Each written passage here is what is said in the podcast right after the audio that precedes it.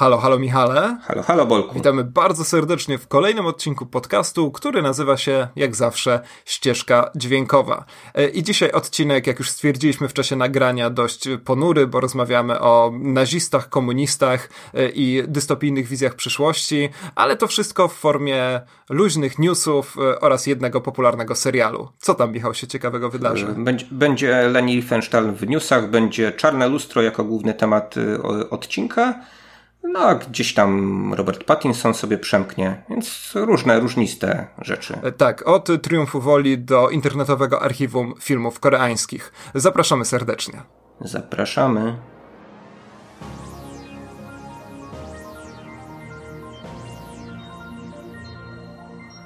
Słyszałem, że niedawno oglądałeś taki e, mało sympatyczny film, chociaż nie wiem, może dla ciebie sympatyczny, który się nazywa Triumf Woli opowiesz coś o tym, o, o tym swoim doznaniu, bo tak, tak mi, tak mi powiedziałeś przed nagraniem tutaj, że, że... Że co, że ostatnio oglądałem Triumf tak. Woli, ja oglądam kawałek Triumfu Woli minimum raz w roku, ponieważ jak pamiętamy końcówka oryginalnych Gwiezdnych Wojen jest całkowicie przepisaniem e, najsłynniejszych scen z Triumfu Woli, oczywiście słynnego propagandowego nazistowskiego filmu Leni Riefenstahl i tu od razu podkreślam, nie, nie oglądam sobie tego filmu dla rozrywki, widziałem go raz w życiu w ramach e, nauki potęgi medium filmowego. Myślę, że ten film jak e, niewiele filmów potrafi coś takiego podkreślić podkreślić. E, później usłyszycie w tym podcaście, jak rozmawiamy o tym, że Black Mirror to przede wszystkim serial o tym, że nożem do masła można posmarować chleb, a można też kogoś zabić. W każdym razie nie tyle chodzi o to, że go oglądałem, tylko o to, że jakbym go chciał sobie teraz obejrzeć, to go nie obejrzę, ponieważ YouTube e, bardzo niedawno e, ogłosił swoją nową politykę, walki z mową nienawiści i tak dalej. I po pierwsze zdjął kanał Lorda Kruszwila, za co większy, wie, wielka chwała. Ty nie wiesz, Michał, o co chodzi, bo ty nie znasz młodych youtuberów tak jak ja. Nie, to powiesz e... coś więcej o, o, o, o, tym? Nie, nie chcę, okay. naprawdę. To jest ohydny kanał, którego, który nigdy nie powinien Ale to jest jakiś patostream, czy co to jest? Niemalże. To jest e, wszystko aranżowane, odgrywane i przygotowywane z dużą pieczołowitością i pieniędzmi, ale jest to rzecz e, zupełnie odpychająca i to, że oglądają to dwunastolatki, to jest sprawa głęboko przerażająca, e, ale też nie wiem, czy z tymi samymi argumentami, ale zdjęto również triumf woli z YouTube'a. No i to dość dużym echem się odbiło w środowisku, nie wiem, ludzi piszących o takich rzeczach w internecie i nie tylko w internecie, no bo pojawia się pytanie, czy taki film jak Triumf Woli e, powinien sobie swobodnie, za przeproszeniem, cyrkulować w takiej wolnej przestrzeni jak YouTube, e, czy raczej e, rzeczywiście powinien doczekać się zawsze jakiegoś omówienia, zawsze jakiegoś kontekstu i, i, i tak dalej. Michał, co ty o tym myślisz? Proste pytanie, łatwe. Tak, otwarte. bardzo łatwe. Tak. Bez sensu jest odpowiadać w taki, w, tak, w taki sposób, że ktoś powinien coś zamieszczać, bądź też yy, opatrzyć mhm. jakimś kontekstem i tak dalej. My przerabialiśmy tego typu dyskusje yy, w naszej pięknej polskiej telewizji, kiedy to, nie wiem, emitowała ideę Yy, tak, która była opatrzona właśnie komentarzem jednym słusznym. Yy, no, wydaje mi się to trochę, trochę chybionym pomysłem, tak jak chybionym pomysłem wydaje mi się zakazywanie cze, czegokolwiek. E, natomiast oczywiście o takich, e, o takiej funkcji filmu e, jak funkcja propagandowa trzeba po prostu uczyć w szkołach. No i wydaje mi się, że nawet fragmenty Triumfu Woli powinny się znaleźć w szkole, nie wiem, gdzieś na poziomie gimnazjum, jak sądzę. Być może znaczy już nie ma gimnazjum.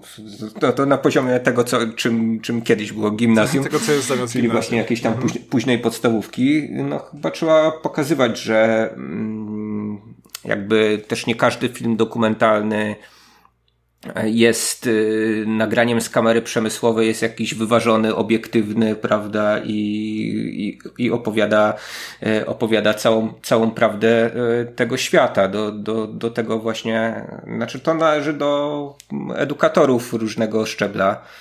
A także takich jak ja i ty być może. Trzeba, trzeba, trzeba właśnie o tych rzeczach opowiadać. Natomiast z punktu widzenia y, takiej platformy, takiego potentata medialnego jak y, YouTube, to to jest, y, wydaje mi się, jeszcze innego rodzaju problem. To znaczy, wydaje mi się, że mm, oni, tak jak Facebook, czy, czy inne korporacje medialne, czy inne platformy, po prostu starają się odpychać od siebie wszystko to, co może powodować jakiekolwiek oskarżenia ideologiczne.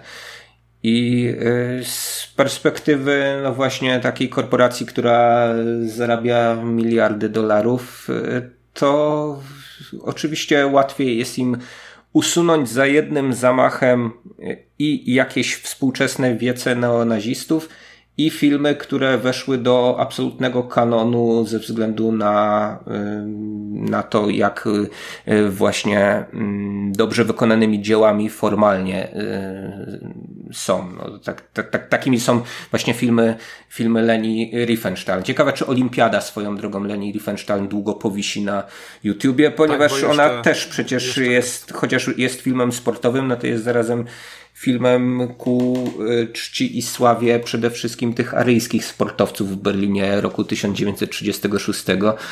Zatem no, zobaczymy, jak, jak, jak daleko YouTube w tym zdejmowaniu y, pójdzie. Natomiast wydaje mi się, że to jest z ich perspektywy bardzo wygodne y, z tego względu, że łatwiej to potem rozpisać na pewne konkretne algorytmy, prawda? No, pojawia się Hitler tyle i tyle razy w takim i takim wizerunku, więc y, czy to będą wytyczne dla jakichś botów sortujących to, co się dodaje na YouTube'a, czy to będą wytyczne dla ludzi, tych tak zwanych czyścicieli internetów, e, to po prostu polityka tej firmy jest taka, żeby, żeby jasno to oznaczać. I to oczywiście będzie powodowało różnego rodzaju kurioza, takie jak e, usuwanie aktów, e, nie wiem, malarzy barokowych z, z Facebooka.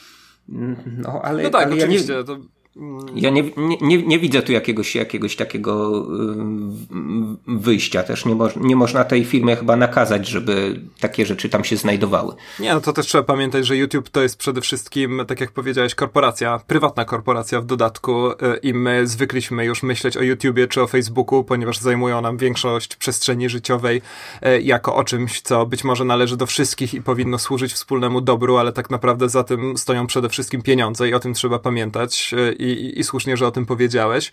E, to tak jak kiedy mm, ludzie na przykład czepiają się Facebooka, że zdjął jakąś tam stronę i tak dalej, a przecież jest wolność wypowiedzi i tak dalej, no tymczasem Facebook może robić przecież całkowicie co chce.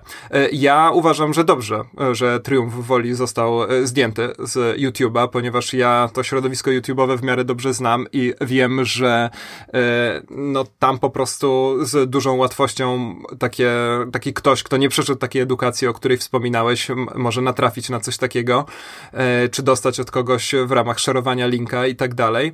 E, a wydaje mi się, że takie filmy jak Triumf Woli należy e, opatrzyć kontekstem, należy opatrzyć komentarzem i nie porównywałbym tego w gruncie jeszcze do sytuacji z Idą. Wydaje mi się, że to jednak mamy skrajnie różne sytuacje, ale zgadzam się z tobą, że tu jest robota do wykonania przede wszystkim przez um, przez szkoły i przez coś takiego jak edukacja medialna, która chyba u nas ciągle nie jest wystarczająco rozwinięta. Pamiętam, że czytałem w Wolnej Kulturze Lesiga e, o takiej inicjatywie o wozach e, telewizyjnych po prostu ze sprzętem montażowym, które jeździły sobie od szkoły do szkoły i dzieciaki mogły wejść do środka i same sobie zmontować na przykład wiadomości w ten sposób, żeby przekazać taki punkt widzenia, a nie inny. E, I to jest zupełnie fantastyczny pomysł. Nie wiem, czy u nas jakaś taka inicjatywa istnieje, ale, ale bardzo bym chciał, żeby coś takiego takiego się pojawiło. Jasne, jasne. Tak a propos tego opatrywania kontekstem, wiesz, no można doprowadzić sprawę ad absurdum, y, bo y, skoro, y, wiesz, triumf woli domaga się takiego kontekstu, to dlaczego nie dzieła Eisensteina, prawda, które są tak. tam mhm. bolszewicką propagandą, a skoro tak, no to możemy pójść właśnie jeszcze dalej i inne filmy, w których właśnie totalitaryzm nie jest piętnowany, Y, też musiałyby dostać, y, dostać tego typu y, kontekst. Pytanie właśnie, kto by ten, te komentarze pisał i tak dalej, no to jest, to jest, to jest bardzo, bardzo złożona kwestia, więc wydaje mi się, że no, na, należałoby zacząć po prostu właśnie od takiego edukowania u podstaw, że film w służbie różnych reżimów, no jakby różne, różne rzeczy pokazywał i, niekoniecznie to, co jest y, nawet właśnie cenione przez historyków e, filmu pod względem jakiejś tam innowacyjności czy wprowadzania nowych technik do, e, do kina może być e, słuszne i, i chwalone mhm. pod względem ideologicznym. Mm, także tutaj Tutaj zostawiłbym y, w internecie y, no, wolność, wolność decyzji jednak y, konkretnym administratorom stron. Od razu powiem, że Triumf Woli jest obecny, no bo na YouTubie też się nie, nie zamyka cały internet. To, co wcześniej powiedziałeś, że właśnie my trochę tak się zakleszczamy w tych, w tych bańkach poszczególnych, tych takich największych korporacji medialnych, które nam oferują pewne rzeczy i, i mm, to, że trzeba za, poza, nie, poza nie wyskoczyć staje się czasami dla nas wręcz dziwne. Natomiast jest taka strona archive.org, na której y, są w wolnym dostępie różne dzieła, e, nie tylko filmowe i tam Triumf Woli można również tak. obejrzeć. Ja tutaj może ma małą anegdotkę, jeśli pozwolisz, wrzucę skąd miałem mhm mój, mój triumf woli. Otóż, gdy, gdy istniała jeszcze taka e, platforma wymiany nie zawsze legalnych plików, która nazywa się DC, to tam można było się do różnych serwerów podpinać i do różnych dysków e, udostępnianych przez e, no, ludzi generalnie, prawda? Oni udostępniali to, co mieli, to, co mieli na dysku, więc trochę inaczej to działało niż w przypadku torrentów. Przeglądało się czyjeś katalogi wprost. No i ja tak sobie trafiłem na na triumf woli za pomocą wyszukiwarki. Gdy zacząłem to ściągać, to odesłał się do mnie jegomość, który miał ten triumf woli u siebie na dysku i i zapytał mnie yy, tak, czy, czy, czy, czy, nie interesowałyby mnie inne filmy tego typu. Tak, tak, tak trochę, trochę, jak, trochę jak taki dealer gdzieś tam właśnie spotkany w, mroczne, w mrocznej bramie. I ja wtedy dopiero zacząłem przeglądać zawartość jego dysku, no i okazało się, że on był jakimś takim e, młodym, znaczy może nie młodym, ale w każdym razie współczesnym wyznawcą e, Adolfa Hitlera. Miał tam różne, hmm. różne obrazki, mniej lub bardziej legalne. E, tak, no, no powie, powiedziałem mu, że ideologia mnie tutaj nie interesuje, na, na co on od, odpowiedział dosyć zabawnie, że jego też nie interesuje. No więc nie wiem, co go interesowało i co miał na myśli. Pod, po... ale dobrze się ubierali, jak to mówi znany, znany fanpage. E, no to jest złowroga anegdotka bardzo, Michał, twój e, kontakt z ruchem neonazistowskim, e, albo z, z bardzo wannabe ruchem neonazistowskim. Ale... To, to było jakieś trzy komputery temu, więc wydaje mi się, że nie mówiąc to na antenie, tak, tutaj nawet żadne, żadne tajne służby chyba, chyba nie dojdą do tego Uf. gościa i no i do mnie też. No, py pytanie, czy powinny, czy nie, ale um, to jest też bardzo ważne, y, że to jest kwestia tego, że ten film, mówię o Triumfie Woli oczywiście, właśnie funkcjonuje na YouTubie, w kontekście YouTube'a, w kontekście podpowiadanych filmów i tak dalej. Więc to jest fragment, najprawdopodobniej on by był oglądany w ten sposób, że przeleciałby jakiś taki fragment z polecanych filmów po prawej.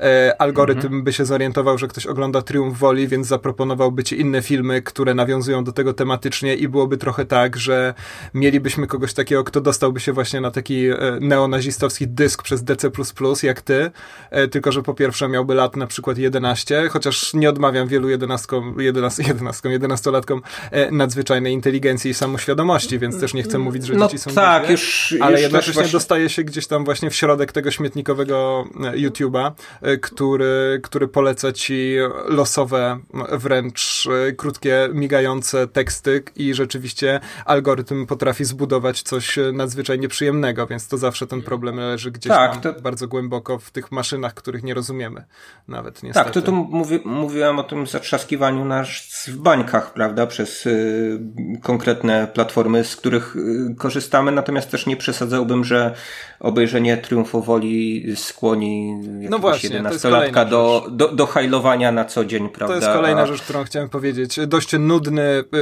dłużący się czarno-biały film e, niekoniecznie będzie tym medium, które faktycznie sprawi, że e, ludzie zaczną się e, interesować w taki niezdrowy sposób ruchami nazistowskimi, prawda?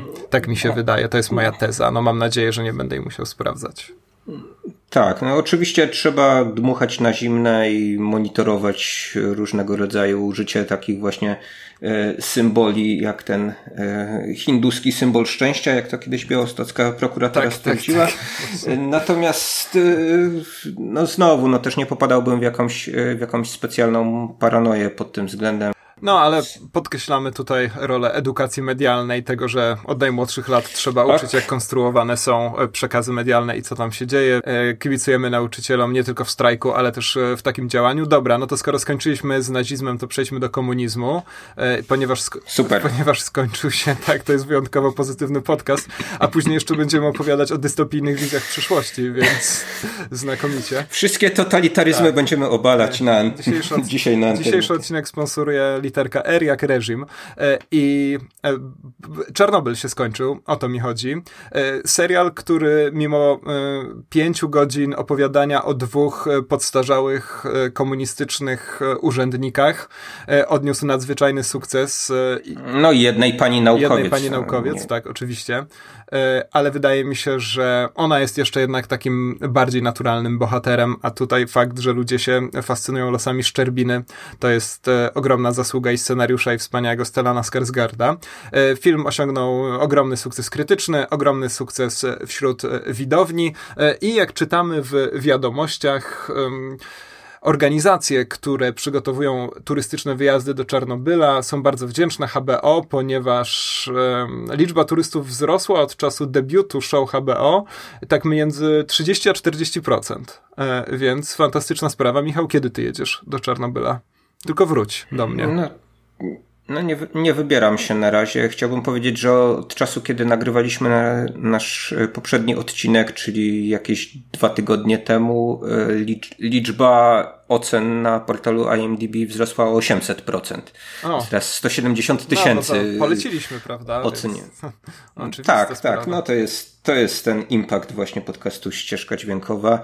Natomiast o, ocena nie zmalała, jest 9,7. Zresztą no taki efekt, y, efekt y, internetowego właśnie nagłaśniania tego faktu chyba sprawił, że coraz więcej osób po ten serial e, sięgało i sięga. E, no więc super. No ja chwaliłem ostatnio, e, teraz może, może pochwalę, że do samego końca ten, ten serial utrzymuje właśnie mm, świetnie ten, ten emocjonalny ton, ale też no i tako, tak, taki szacunek właśnie dla faktów, mimo że oczywiście tacy, tacy skrupulatni badacze tego, co się w Czarnobylu wydarzyło, pewne rzeczy tam e, zarzucają. Ostatni odcinek był trochę bardziej sztampowy, taki w postaci dramatu sądowego e, rozegrany, ale wciąż e, no, chylę czoła przed tym, jak jak skończyli ten, ten miniserial twórcy i też takie zamknięcie w formie tego, co staje się też jakąś taką, taką, taką dosyć słabą sztampą chyba kina biograficznego, że przywołujemy rzeczywistych bohaterów tych wydarzeń, ich zdjęcia i co się tam z nimi wydarzyło. Tutaj akurat wydaje mi się w pełni uzasadnione jest też e, usprawiedliwione to, że mamy postacie, które w rzeczywistości nie występowały, dla, dlaczego one tam występowały, to jest dopowiedziane. Tak, no, no znakomita. Więc, więc raz jeszcze Czarnobyl polecam. Tak, znakomita robota, no ale newsem nie jest to, że e, Czarnobyl się skończył i newsem nie jest Aha, to, tylko że... że turystyka, tak? Rośnie. Nie, nie, no. news jest jeszcze jeden. Um, chodzi mi konkretnie o to, że e, popularna ponoć, e, no, trudno, chociaż nie, mógłbym to sprawdzić, nie sprawdziłem, wierzę na, e, wierzę na słowo, że jest to popularna telewizja, telewizja NTV, tak? czy NTV, Jak? E, postanowiła wyprodukować własną opowieść o Czarnobylu, bo rzeczywiście ludzie z HBO i ze Sky, bo przecież angielski Sky, brytyjski Sky jest współproducentem tego serialu, o tym się trochę zapomina, rzeczywiście wyprzedzili, mm, jeżeli chodzi o taką głośną produkcję Rosjan. Mm, I teraz e, Rosjanie chcieliby stworzyć coś swojego. I co ciekawe, mamy już wypowiedź mm, człowieka, który wyreżyseruje ten serial. To jest niejaki Aleksiej Muradow, który mówi e, o tym, że oprą się na jednej z popularnych teorii, e, która uważa, że to Amerykanie zinfiltrowali Czarnobyl i że rzeczywiście można było w tym, co się tam wydarzyło, odnaleźć ślady jakiejś takiej mm, zewnętrznej pracy sabotażowo-wywiadowczej, że tak powiem. No więc ekscytujące to jest, Michał. To, to jest, y, tutaj muszę zmieszać kilka wątków z dzisiejszego odcinka, bo to jest y, czarne lustro wkraczające w moje życie. Ja ki kilka dni temu przed, przed, przed tym newsem E, dzieląc się swoimi wrażeniami z serialu e, Czarnobyl, napisałem do, do znajomego, że teraz pewnie Rosjanie przygotują swoją właściwą, słuszną wer wersję wydarzeń. E, nie, to Adam Garbicz dostał tę wersję wydarzeń, ale prześlę ci tego maila. Jest, jest zapisane, wiesz, z datą, nie manipulowałem przy tym. E, no i napisałem tam w tym, w, w, tym mailu, że pewnie w tej wersji e, będą sabotażyści z zachodu, którzy gmerali w Czarnobylu, prawda? No, no, wydawało mi się, że, że no na, na poziomie żartu coś takiego może funkcjonować. Jak widać w Rosji nie ma takiego żartu, który nie można byłoby przekuć w, w, w, co, tak, tak, w coś tak. absolutnie rzeczywistego. Jest to absurdalne niesamowicie. Ja wciąż liczę na to, że to jednak, że może nie ma tego pana Muradowa, że jakiś e, tak zwany ruski troll e, tam cały czas troluje nam rzeczywistość w internecie, a może w ogóle nie ma stacji NTV, tylko to jest jakaś stacja Nonsense TV, którą on sobie tam wymyślił. Być może tak jest, bo cały ten pomysł brzmi jak coś, co mogli wymyśleć ci najbardziej negatywni bohaterowie serialu Czarnobyl, prawda? E, więc to też trochę wygląda jak tak, jakby... zupełny brak umiejętności wyciągania wniosków wniosków, jeżeli chodzi o wizerunek sam.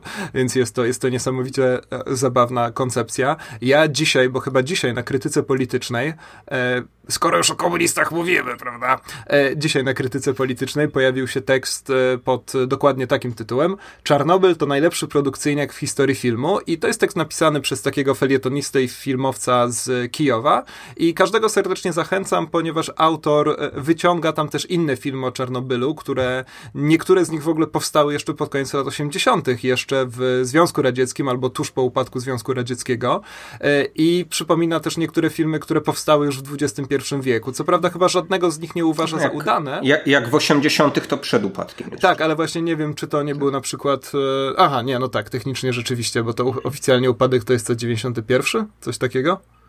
Tak, no właśnie, to wydaje mi się, że... Mały wtręt tak, tak, tak, oczywiście. E, tak czy owak, e, serdecznie zachęcam do wpisania sobie do Google'a po prostu e, tytułu tego artykułu. Czarnobyl to najlepszy producy- produkcyjnik w historii filmu i znajdziecie tam kilka tytułów, o których co prawda autor nie wypowiada się pochlebnie, ale jeżeli interesuje was to, jak takie kwestie katastrofa, katastrofy w Czarnobylu przedstawiać się w opowieściach filmowych, audiowizualnych, to na pewno, na pewno warto sobie do czegoś takiego zajrzeć. No i ja też będę robił to, co poleciłem już na Facebooku naszym, ale mm, polecę już y, także, także tutaj teraz, y, czyli posłuchanie sobie podcastu o Czarnobylu pod tytułem Czarnobyl, e, gdzie scenarzysta e, tego serialu rozmawia z dziennikarzem i e, nie tłumaczy mu się absolutnie z podjętych decyzji, bo nikt tam nie stosuje napastliwego tonu. Chyba wszyscy się zgadzają, że jest to po prostu dobry serial. Zresztą podcast jest produkowany przez HBO, więc bez przesady. Ale przede wszystkim zwraca uwagę też na to, czemu podjęto taką, a nie inną decyzję dotyczącą na przykład um, różnic w tym, co wydarzyło się w serialu, a tym, co wydarzyło się naprawdę w 86. Więc e, serdecznie polecam. No tak, liczę na to, że właśnie ci krytycy, yy, którzy się okopali na tych takich właśnie swoich historycznych pozycjach, też sięgną po takie rzeczy, bo wydaje mi się, że yy, no, brakuje trochę, może tak y, będąc pod tym parasolem edukacji, o której wcześniej mówimy, też tak edukowania pod tym względem, że możemy odstępować od faktu, jeżeli przedstawiamy fikcję na ekranie, jeżeli to jest potrzebne dla dramaturgii danego serialu albo do danego filmu i to nie umniejsza jakby znaczenia tego serialu czy filmu, jeżeli tam nie wszystko będzie się spinać z tym, co się wydarzyło w rzeczywistości. No ja wiem, że to jest problem dla niektórych, zwłaszcza jeśli chodzi o taką bliską historię, którą e, niektórzy z tych komentatorów jeszcze pamiętają w jakiś sposób, no ale wciąż jakby mnogość różnego rodzaju źródeł, po które możemy sięgnąć, no, sprawia, że y, no, serial Czarnobyl nie jest jedną i ostateczną wykładnią tego, co się w Czarnobylu wydarzyło, tylko po prostu pewną, pewną opowieścią też podporządkowaną konkretnej tezie, która jest nawet tak w pierwszym, tak, osta ostatnim od, odcinku tak wyeksponowana właśnie, że to jest, to jest opowieść o, o kłamstwie, o kłamstwie takim, takim, takim globalnym, rozciągniętym systemowo, no i do czego właśnie tego typu kłamstwa mogą doprowadzić. No a to, że, to, że właśnie Czarnobyl stał się znowu, mm, no brzydko powiem, modny, no to, to chyba mimo wszystko dobrze, no bo warto przypominać też o tym, że do czego takie błędy mogą doprowadzić i takie zaniechania i też yy, pewna lekkomyślność w traktowaniu no, tego, co, no tak. co, co w żaden sposób, no, w taki sposób nie powinno być e, traktowane. A oczywiście sięgnąć można do różnych źródeł, nie tylko filmowych, także, także książkowych. Chyba nie wspomniałem, gdy rozmawialiśmy o Czarnobylu, o tym, że mm, noblistka Swietlana Aleksiejewicz y, jeszcze opublikowała taką książkę, która się nazywa Czarnobylska modlitwa Kroniki przyszłości. Więc to też przy tej okazji yy, polecam. No, można, mo, można, mo, można gryźć temat z, z, z wielu stron, yy, więc zachęcam. Pewnie, pewnie też gier komputerowych teraz przybędzie takich w Prypeci osadzonych. Już trochę takich no gier wcześniej już, mieliśmy, takie jak, jak Stalker, prawda, ze w Prypeci. Ale wydaje mi się, że, no, że, że po, po tym niesamowitym sukcesie e, tego serialu niespecjalnie promowanego przez HBO, przykrytego skrzydłami smoków z gry o tron, e, no tutaj się otworzy otworzy, e, no nie tylko to, że możemy opowiadać o samym Czarnobylu, ale też mam nadzieję, że HBO wyciągnie wnioski i, no i będzie produkować tego typu seriale też. Że jakby blockbusteryzm e, gry o tron to jest tylko jedna strona, w którą może pójść właśnie e, współczesna telewizja. To dla nich też jest na pewno ważne, na pewno napędza im klientów, no bo ludzie o tym mówią, ale dobrze by było, gdyby, żeby właśnie e, w HBO też nie zapomnieli o tym, że mogą produkować tak świetne seriale, tak jak te. Tak jest, czego e, sobie, wam e, i im, czyli tym tajemniczym ludziom z HBO życzymy. Ostatnia informacja w dziale naszych newsów, a może nie ostatnia, zobaczymy. To znaczy ostatnio pojawiła się zapowiedź serialu animowanego, który ciebie, Michał, na pewno bardzo chwyta za serduszko. Opowiedz o co chodzi. No nie wiem, czy, nie, nie wiem, czy ten serial mnie chwyci w jakiś sposób. Cieszysz chodzi się, o to, że. na to. No cieszysz się, Michał. Dobrze, wmawiaj mi to jeszcze. To jest jedyny jeszcze sposób, żebyś był szczęśliwy. Magic the Gathering. Jest to taka gra karciana, nie wiem czy znana naszym słuchaczom, w tej przestrzeni internetowej przez długi czas przykryta przez inną karciankę, która się nazywa Hearthstone od Blizzarda, ale Hearthstone ostatnio, z tego co słyszałem, E, przeżywa swoje e, słabe czasy. Nasz e, polski gwint oparty na Wiedźminie od CD Projektu no jeszcze się nie przebił jakoś tak mocno. No a Magic the Gathering, gra karciana, która ma już ponad 25 lat, przeżywa swoje drugie życie w internecie za, no, za pośrednictwem takiego, takiej gry, która się nazywa MTG Arena. E, no ale na fali tej popularności twórcy e, gry z e, firmy Wizards of the Coast i też ich zwierzchnicy w wielkim koncernie Hasbro, to taki koncern, który no, produkuje między innymi też lalki Barbie, doszli, doszli do wniosku, że można zrobić serial, serial animowany. Powierzono produkcję z tego serialu animowanego e, braciom Russo, nam znanym skądinąd, prawda, e, z produkcji e, Avengers i innych opowieści w uniwersum Marvela. No a co tam się dzieje po drugiej stronie? Zmieniam w ogóle miejsce, przechodzę z pokoju dla pokoju, ale słucham cię uważnie, mów, mów. Bracia Russo, to, to, Avengers. To dobrze, tak. no, bo, bo ja się już bałem, że, że tam coś, ktoś cię porwał, czy coś w tym stylu. No, jakiś Andrew Scott na przykład. E, no, no, i bracia Russo, no znasz braci Russo, prawda? No mają, ma, mają to robić. Tyle wiemy na dziś.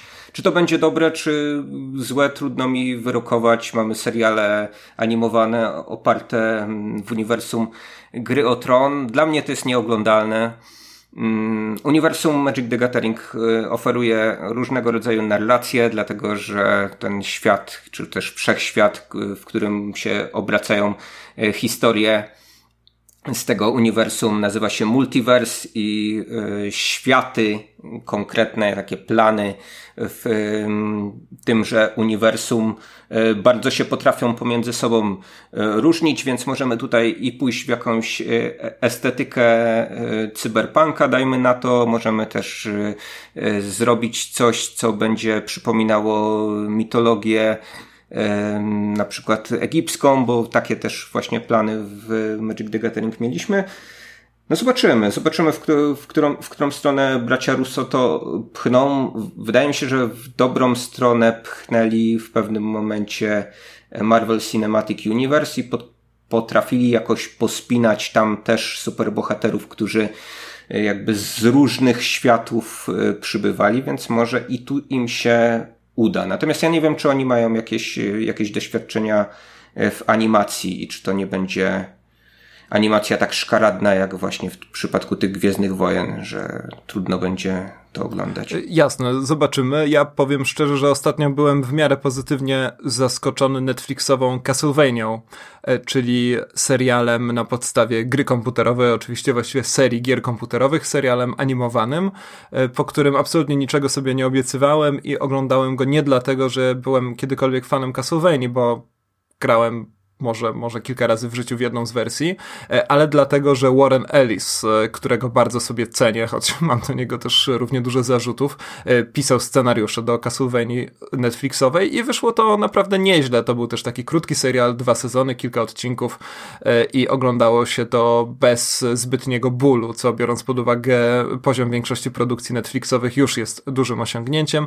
No więc tutaj jako człowiek, który grał w Magica 15 lat temu, trzymam kciuki no, bez przesady. Od czasu do czasu tak, sobie tak, grywamy. który wydawał porą. wszystkie pieniądze na Magica i każdy wieczór spędzał grając 15 lat temu.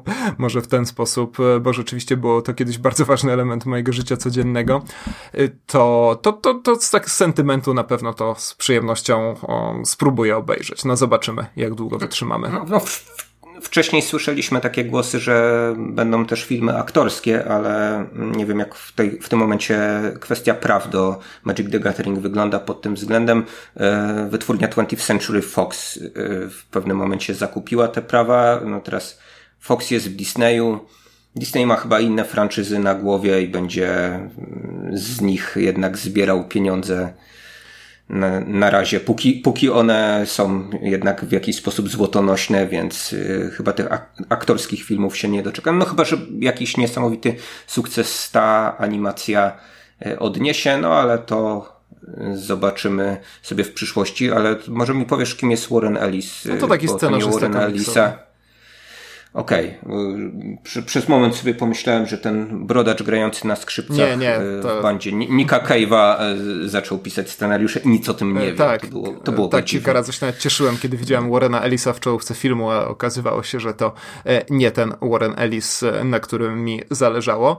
Dobra, to może powiedzmy sobie jeszcze ostatnią rzecz, ponieważ nic zupełnie nie wspomnieliśmy o Cannes, które niedawno się rozpoczęło, a jeszcze bardziej niedawno temu się zakończyło. No i złotą palmę palmę zdobył tam e, Bong Joon-ho, mm, którego kilka razy już przywoływaliśmy na łamach tego podcastu, tak mi się wydaje. Zresztą e, widzieliśmy sporo jego filmów i najprawdopodobniej pewnie przy okazji premiery filmu Parasite, czyli filmu, za który Bong otrzymał Złotą Palmę w Cannes i filmu, który został już wykupiony do dystrybucji przez Gutek Film, e, zapewne poopowiadamy sobie o, o twórczości Koreańczyka, a tymczasem przy okazji tej Złotej Palmy wypłynęła taka informacja, która dotyczy dotyczy kwestii, jaka pojawiła się tak naprawdę rok temu, ale teraz dopiero ludzi zainteresowała, że na oficjalnym kanale YouTube'owym e, koreańskiego archiwum filmowego e, nazywa się to Korean Classic Cinema, tak nazywa się ten kanał YouTube'owy, można obejrzeć 200 filmów koreańskich z napisami, a niektóre nawet w odnowionych wersjach. Także jeżeli czujecie potrzebę nadrabiania kina koreańskiego, to jest to zupełnie fantastyczna sprawa i no trudno o tym nie wspomnieć w podcaście, który stara się czasem zająć nie tylko kinem superbohaterskim. Mm, Tak, to jest taka wiadomość, którą mi przesłałeś dzisiaj, więc ja od razu przyznaję się, że nie miałem czasu, żeby się zapoznać z tym wszystkim, co się tam mieści na tym, na tym kanale Korean Film Classic. E, Korean Classic Film, nawet tak to się na, na, nazywa e, dokładnie. E, nie jestem fanem Hong Sang-soo, od razu tutaj powiem, którego właśnie debiut tam można tak, to znaleźć. chyba taki najsłynniejszy w ogóle reżyser nie... z tej grupy, która rzeczywiście tam ma swoje filmy i która gdzieś tam trafiała do nas przy okazji naszych różnych festiwali. No i tak, można tam zobaczyć jego, jego debiut Dzień, w którym świnia wpadła do studni. Jeżeli ten tytuł was nie zachęca, to nic was nigdy nie zachęci do niczego. Dzisiaj świnia często się będzie tak, przewijać tak, tak. przez ten, świnia jest przez ten, tego odcinka. przez to nasze nagranie. Y, natomiast ja też nie, nie za bardzo znam kino koreańskie, takie sprzed lat 90. Dopiero y, wówczas, gdzieś pod koniec lat 90. odkryłem, że jest taki reżyser jak Kim Ki-duk, a taki drugi reżyser to Park Chan-wook, no i to współczesne kino koreańskie gdzieś dopiero wtedy dla mnie się zaczęło. No chętnie, chętnie sięgnę, zobaczę co też oni robili e, wcześniej.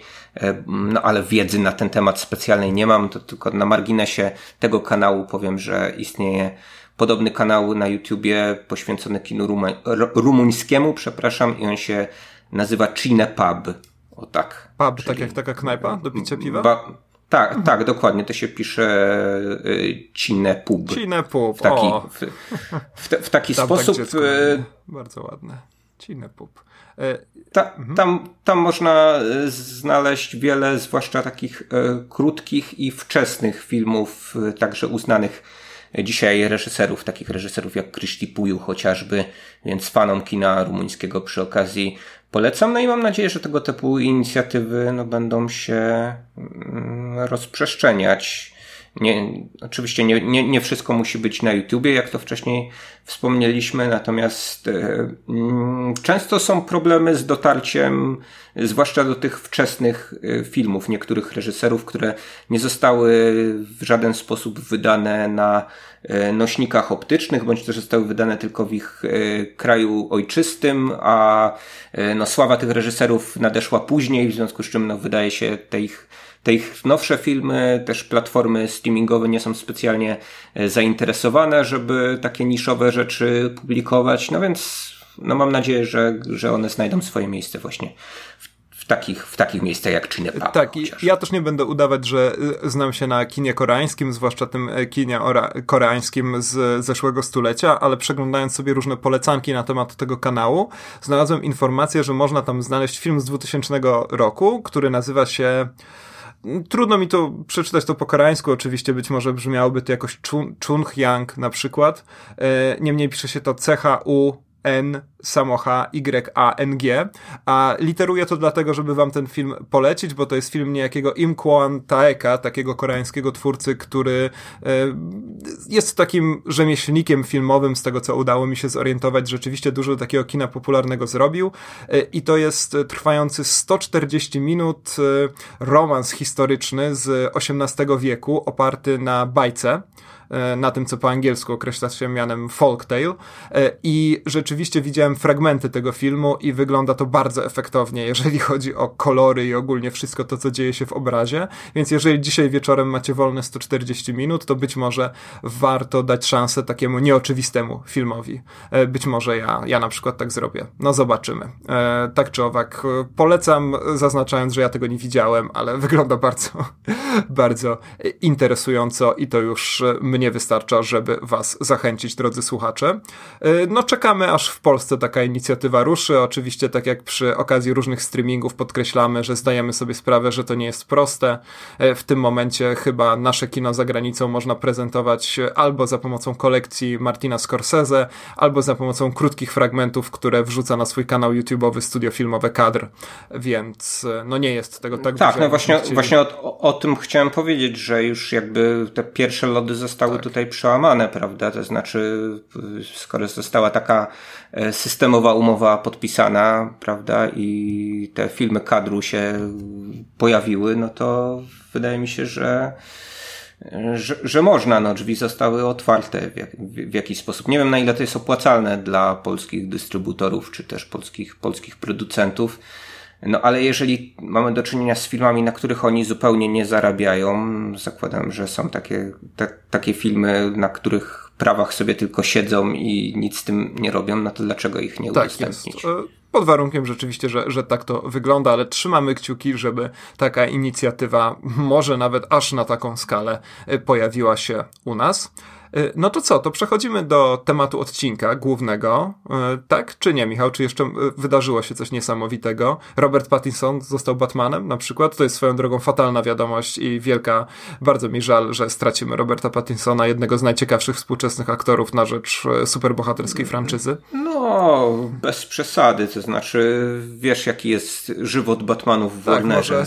Czasami bardzo, bardzo krótki. Tak, tak, choć wtedy byłoby mi też żal Mata Reevesa, którego lubię jako reżysera więc e, niech im wyjdzie w gruncie rzeczy, a niech im, ja, niech coś wyjdzie tym ludziom. Ja chcę zobaczyć e, Pattinsona w e, Batmanie, wcześniej go chcę zobaczyć w Lighthouse. Tak, Wydaje mi się, że to człowiek, który oderwał się już od tej swojej roli błyszczącego wampira tak, Edwarda, więc temu Bruce'a Wayne'a już zagrał w Kosmopolis. Właśnie. Jezu, to by było wspaniałe. Jak... Rzeczywiście, nie myślałem o tym Don DeLillo jako autor no, może, opowieści Może to był ele element castingu do, do tego filmu o Batmanie, więc y, życzę mu wszystkiego najlepszego i ja no, podłączam się, Robert, żeby, jeżeli nas słyszysz. Ja, ja też ci życzę wszystkiego najlepszego. Dawno nie widzieliśmy dobrego filmu o Batmanie, więc. Tak, e, więc czekamy z niecierpliwością. E, a teraz temat odcinka, czyli luźne rozważania o całym Black Mirror. O najnowszym sezonie Czarnego Lustra chcieliśmy słów kilka powiedzieć. Czy to będą dobre słowa? Możesz zaspoilować? Z mojej strony nieszczególnie. Twojej opinii jeszcze nie znam, bo zgodnie z podstawową tradycją tego podcastu e, staramy się nie rozmawiać ze sobą za bardzo o tym, co widzieliśmy, zanim włączymy mikrofony, e, ale też e, chyba warto pogadać o całym lustrze, całym lustrze, całym czarnym lustrze, całym czarnym lustrze, bo to przecież serial, który siedzi z nami już od 2011 roku. Nie chce umrzeć, choć być może już powinien. Pojawia się od czasu do czasu w bardzo różnych inkarnacjach, a to wyskoczy jakiś świąteczny specjalny odcinek, to akurat była znakomita rzecz, a to wyskoczy jakiś interaktywny film, a to znikąd niemalże pojawi się kolejny sezon z trzema odcinkami, tak jak zresztą pierwsze dwa sezony, jeszcze na Channel 4. E, także warto się zastanowić, jak to czarne lustro się zmieniało przez lata. E, czy rzeczywiście to, to, to założenie czarnego lustra, żeby pokazywać nam, bo wydaje mi się, że takie było założenie tego serialu, pokazywać nam demoniczne konsekwencje technologii, jeszcze w jakikolwiek sposób wzrusza, zwłaszcza biorąc pod uwagę, że te demoniczne konsekwencje mamy wokół siebie, co chyba w najnowszym sezonie zostało akurat, to jest jest jedna z niewielu zalet tego sezonu pokazane. E, no i czy nie zmienia się to czarne lustro za bardzo w parodię samego siebie i po prostu konkluzja jest zwykle taka, że wszyscy żyjemy w komputerze wielkim albo, albo coś takiego. E, a u ciebie jakie to będą słowa, Michał? Na razie o tym trzecim, przepraszam, tym najnowszym, którym sezonie? Piątym chyba oficjalnie, tak? Tak, piątym. Piątym. piątym. Piątym, no bo nie liczymy takich rzeczy właśnie jak Bandersnatch, o którym może za chwilę e, to jest, to jest tak, że y, wydaje mi się, że ten serial ewoluuje jakoś w głowie Charlie'ego Brookera, czyli jego showrunnera. Tak, i Annabelle Jones jeszcze, bo powiedzmy, że tutaj jeszcze pani mhm. jest współshowrunnerką, aczkolwiek to Charlie Brooker jest autorem pomysłu, no i autorem zdecydowanie wie, większości scenariuszy mhm. tego serialu. Powiedziałeś, że to był taki serial o mm, zagrożeniach technologii i to takiej technologii, która właśnie gdzieś już tam wpełza w nasze życie, albo wręcz wpełzła, tylko jeszcze nie w takim wymiarze, jak to Czarne Lustro pokazywało w swoich pierwszych sezonach i pierwszych odcinkach. E, no a ten piąty sezon jest e, zupełnie inny, wydaje mi się. To znaczy, e, wydaje mi się, że ta technologia tutaj wręcz czasami trochę, trochę ciąży. I, i, ten, pes tak. mhm. i ten pesymistyczny wydźwięk, który, taki mocno pesymistyczny wydźwięk, który miało Czarne Lustro, z niektórych odcinków wyparował, konkretnie z pierwszego i z trzeciego, tak? No drugi jeszcze jest powiedzmy taki, taki, taki przytłaczający. E, natomiast z kolei w drugim odcinku nie mamy. A przepraszam, drugi to który? Bo ja to oglądałem nie w kolejności, bo -hmm. Miley Cyrus zostawiłem sobie na deser. Drugi to jest. Miley Cyrus to, właśnie. tak, tak? Tak, tak, to właśnie finał. Okay, drugi okay. odcinek jest z Andrew Scottem. Andrew Scott gra tam tak. człowieka, który porywa e, innego człowieka z korporacji, żeby dostać się do tego, do szefa tejże korporacji, no i coś mu tam powiedzieć. Co mu powiedzieć, to, e, to jest jakaś taka ta, tajemnica tego, tego odcinka. No, choć, chociażby. E, I te, ten drugi odcinek wydaje mi się e, jakby dobrze obrazuje to, że mm, to już nawet nie jest serial science fiction do końca, tylko taki serial, który sobie skacze pomiędzy różnymi e, konwencjami, bo drugi odcinek jest osadzony absolutnie we współczesności. Jeżeli oderwiemy się od tak. tego, że e, mamy tam trochę inne media społecznościowe, inaczej się nazywają, nazywają się Persona na przykład, prawda, a nie, a nie Facebook no to generalnie e, wszystko, co e, w tym odcinku się mieści, e, no chyba, że nie zauważyłem jakiegoś futurystycznego gadżetu, no to przynależy jak najbardziej współczesności. No i teraz pytanie, czy właśnie ten, ten, ten serial chce wciąż być jakimś takim ostrzeżeniem przed najnowszymi wynalazkami technologicznymi, czy on sobie po prostu szuka drogi ujścia w jakieś inne dziwne rejony. Mm, bo, bo od razu powiem, że ten drugi odcinek podobał mi się najbardziej z tych trzech, które, które wyszły w piątym sezonie. Natomiast y, no wciąż, y, no mimo wszystko uważam, że, że to jest najsłabszy z sezonów Czarnego Lustra, jaki do tej pory e, powstały. Mimo że, tak, mimo, że trzy odcinki to zwiastowałyby taki powrót do tej formuły jakościowej, którą Czarne Lustro oferowało na samym początku, kiedy było jeszcze dla Channel 4 tworzone. Potem, gdy wkroczył Netflix, przejął ten serial, mieliśmy po sześć odcinków w każdym sezonie. No i niektórzy mm, komentatorzy uważali, że właśnie to za dużo, że tutaj właśnie się rozdrabnia Brooker na, na te mm, pomniejsze pomysły, zamiast e, doprecyzować e, porządnie wybrane z nich. Mhm. No ale tutaj piąty sezon wydaje mi się, że trochę pokazuje jakby E, wyobraźnia Brookera jednak, e, jednak miała swoje ograniczenia. Tak, tak, tak. Że... Chyba nie chodzi o liczbę odcinków, tylko po prostu o liczbę pomysłów w głowie i, i tyle. Być może trzeba zaprosić po prostu kogoś do, do, do kreacji tych odcinków, e, kto jeszcze jakimś, in, jakąś inną drogą pójdzie. No ale tak jak patrzę właśnie na trzy odcinki tego sezonu, to one są kompletnie różne od siebie jeśli chodzi o wymowę, jeśli chodzi o konwencję. I y, właśnie wyglądają dla mnie tak, jakby to były piloty trzech różnych seriali, które no tutaj ktoś nam prezentuje i, i właśnie jak na takim pitchingu mamy zdecydować, w którą stronę ten serial dalej pójdzie. Być może należałoby... A, być może, to, być może te odcinki wyciekły przez przypadek mm. i to rzeczywiście była taka próba właśnie e, i jacyś decydenci mieli, mieli to zaakceptować. Znaczy, przypo, przypo, przypomnę też, że no, minęły dwa lata od y, poprzedniego sezonu, więc teoretycznie Brooker miał tutaj więcej czasu na y, zrobienie czegoś porządnego. No tak, to powiem ci od razu, że jeżeli chodzi o ten drugi odcinek, no to na pewno nie przegapiłeś żadnego futurystycznego gadżetu, ponieważ e, ten odcinek zaczyna się wręcz od informacji, że jest to rok 2018. E, w tle tak. mamy informacje na temat e, działającego właśnie Brexitu i tak dalej i to jest według mnie fantastyczne. To znaczy, to jest najlepsza rzecz w tym sezonie, że Brooker i reszta twórców Black Mirror przestali patrzeć na to, co się dzieje teraz jako na jakieś pełzające zagrożenie, które dopiero w pewnym momencie nas zaatakuje, e, tylko zorientowali się, że już od dawna żyjemy po prostu w rzeczywistości, w której ta technologia stawia przed nami te wszystkie zagrożenia, o których Charlie Brooker myślał. E, no nie mówię tu o Bandersnatchu, który gdzieś tam celowo dział się w latach 80., chyba tak, o ile pamiętam, e, ale ta decyzja, żeby osadzić odcinek właśnie w tej rzeczywistości najbliższej nam jest według mnie znakomita. Szkoda, że odcinek no, kończy się zupełnie fatalnym, fatalnym wnioskiem powiedzmy, to jest zresztą dla mnie zawsze problem Black Mirror, z wyjątkiem dosłownie może kilku odcinków, e, ponieważ tam tak naprawdę w Black Mirror każdy wniosek, jak mi się wydaje, mówi nam po prostu, że technologia jest zła, ale nawet jeżeli technologia nie jest zła, to e, ludzie są okropni, no i proszę Państwa, nożem do masła można posmarować chleb, a można też kogoś zadźgać. Niespodzianka, zapraszam, czekajcie na kolejny sezon.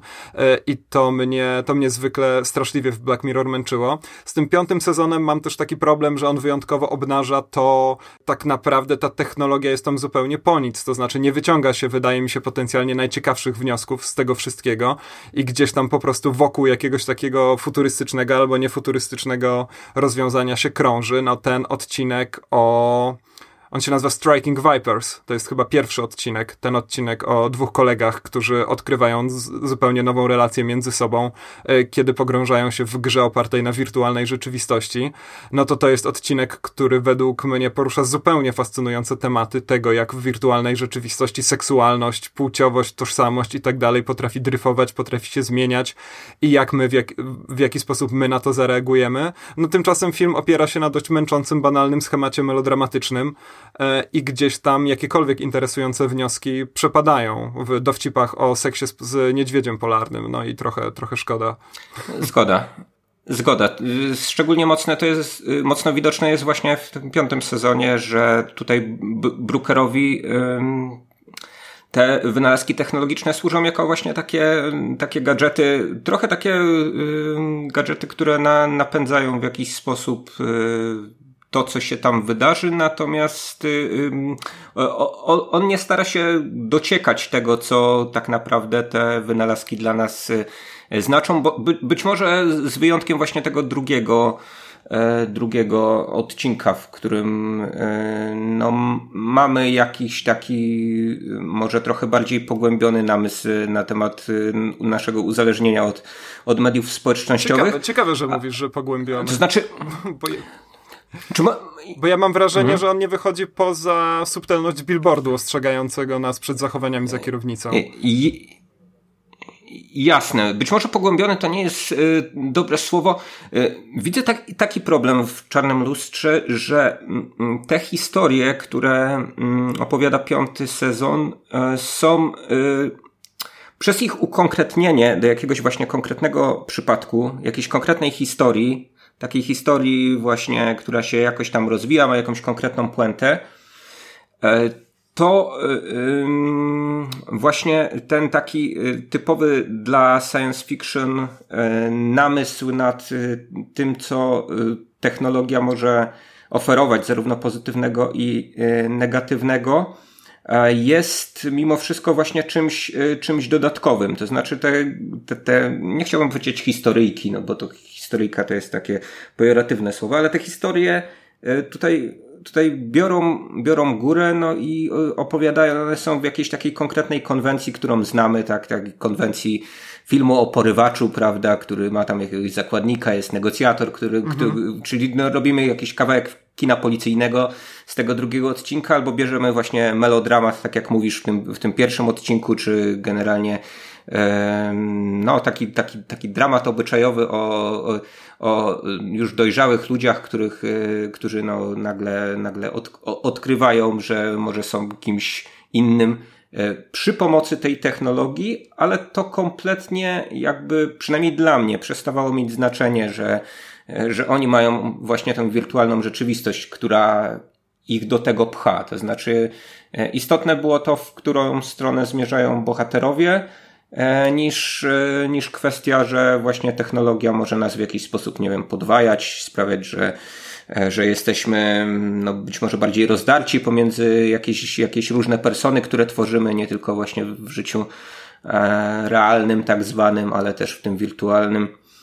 Mm, no trochę, trochę jestem, trochę jestem zawiedziony właśnie, właśnie tym, że, mm, że tutaj E, tutaj mamy opowiedziane to w taki bardzo, bardzo prosty sposób. Bo to, że e, mm, e, ta technologia w czarnym lustrze nie była jakoś specjalnie mocno rozwijana albo była wrzucana jakoś tak w odcinek bez wytłumaczenia, do czego ona służy, to do tego chyba jakoś przy, przywykliśmy. Znaczy ja przywykłem, bo wydaje mi się, że to tak, było... Tak, no fakt, że ta technologia bardzo często jest sprowadzana do jakichś takich po prostu efektownych gadżetów, z których niewiele wynika, też świetnie widać w tym piątym sezonie i widać to było też w poprzednim. E, to znaczy od jakiegoś czasu też Charlie Brooker bardzo zainteresowany jest kwestią tego, jak przypisujemy nasz mózg do komputera. E, czy rzeczywiście będziemy w stanie stworzyć jakąś drugą jaźń, czy, czy przedłużyć sobie życie. E, to jest taki temat, który jest rzeczywiście piekielnie interesujący, no tacy jakby najbardziej bardziej mm, optymistyczni futuryści typu Kurzweil na przykład są przekonani, że za kilkadziesiąt lat rzeczywiście będziemy w stanie skopiować swój mózg do komputera, y, ale problem polega na tym, że dla dla Brookera bardzo często to jest właśnie tylko i wyłącznie punkt wyjścia do tego, żeby nakręcić jakąś historyjkę rodem z horroru, o jakichś ludziach, którzy na zawsze są zamknięci w więzieniu, ponieważ tam zostali skopiowani, albo no w ogóle sprowadzone jest to do jakiejś e, dość dziwacznej, z, bardzo swobodnie żonglującym, żonglującej tonem historii przygodowej, tak jak w tym odcinku z Miley Cyrus. Tak, ten trzeci e, odcinek jest, jest, jest przedziwny pod tym względem, to znaczy pod względem lekceważenia takiej, takiej ostentacyjnej dezynwoltury w, po, w podchodzeniu do tego, co, co tam jest właśnie technologiczne. No tam jak, jakoś tam się prze, przenoszą e, te fale mózgowe nawet na odległość przez telewizor, prawda, gdzieś tam do robotów. No. Tak, tak, tak. No ten odcinek jest też dobrym podsumowaniem tego, o czym wspominałeś i tego, jak ja mam problem z Black Mirror. To znaczy, jakby podstawowym problemem wydaje mi się w tego typu opowieściach zawsze jest to, czy skupić się właśnie na. To znaczy, to jest podstawowe wyzwanie, żeby skupić się na rozwoju technologii, jakimś kontekście społecznym, kontekście osobistym i jednocześnie pokazać to, co dzieje się z bohaterami. No i ten odcinek z Miley Cyrus jest idealnym przykładem całkowitej, zupełnej, permanentnej pewnie porażki E, Charlie'ego Brookera w zmaganiu z tym problemem, ponieważ o technologii dowiadujemy się tyle, co zwykle z odcinków Black Mirror, czyli że może być zła, jak źli ludzie położą na niej swoje obślizgłe łapska, a bohaterowie zwłaszcza główna bohaterka nie przechodzi absolutnie żadnej ewolucji e, i e, na końcu tak naprawdę bardzo możliwe, że jest e, w tym samym miejscu, w którym była na samym początku, tylko może lubi słuchać głośniejszej muzyki.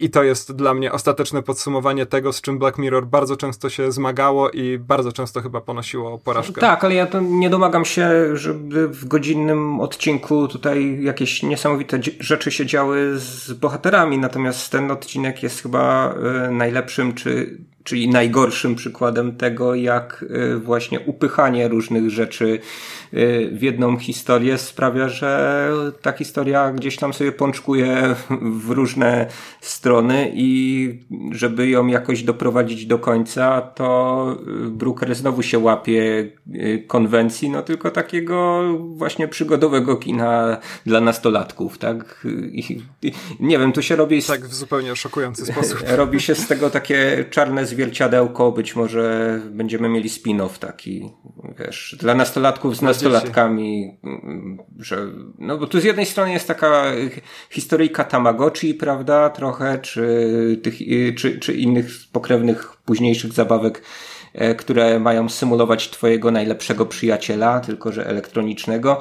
No a a, a gdzieś tam właśnie potem wkopane jest, y, jest to w, w tę historię to, że, że można właśnie y, kogoś y, ubezwłasnowolnić i wysysać mu z mózgu to, co kreatywne za pomocą właśnie innego rodzaju technologii, a potem jeszcze mamy hologramy, tak, jako też jakiś taki znak naszych czasów, że nie potrzebujemy. Tak, i to gorsze niż ten hologram Tuka, Tupaka, który widzieliśmy, mogliśmy zobaczyć rzeczywiście. Tak mi się wydaje, że Miley Cyrus wygląda gorzej w tym hologramie.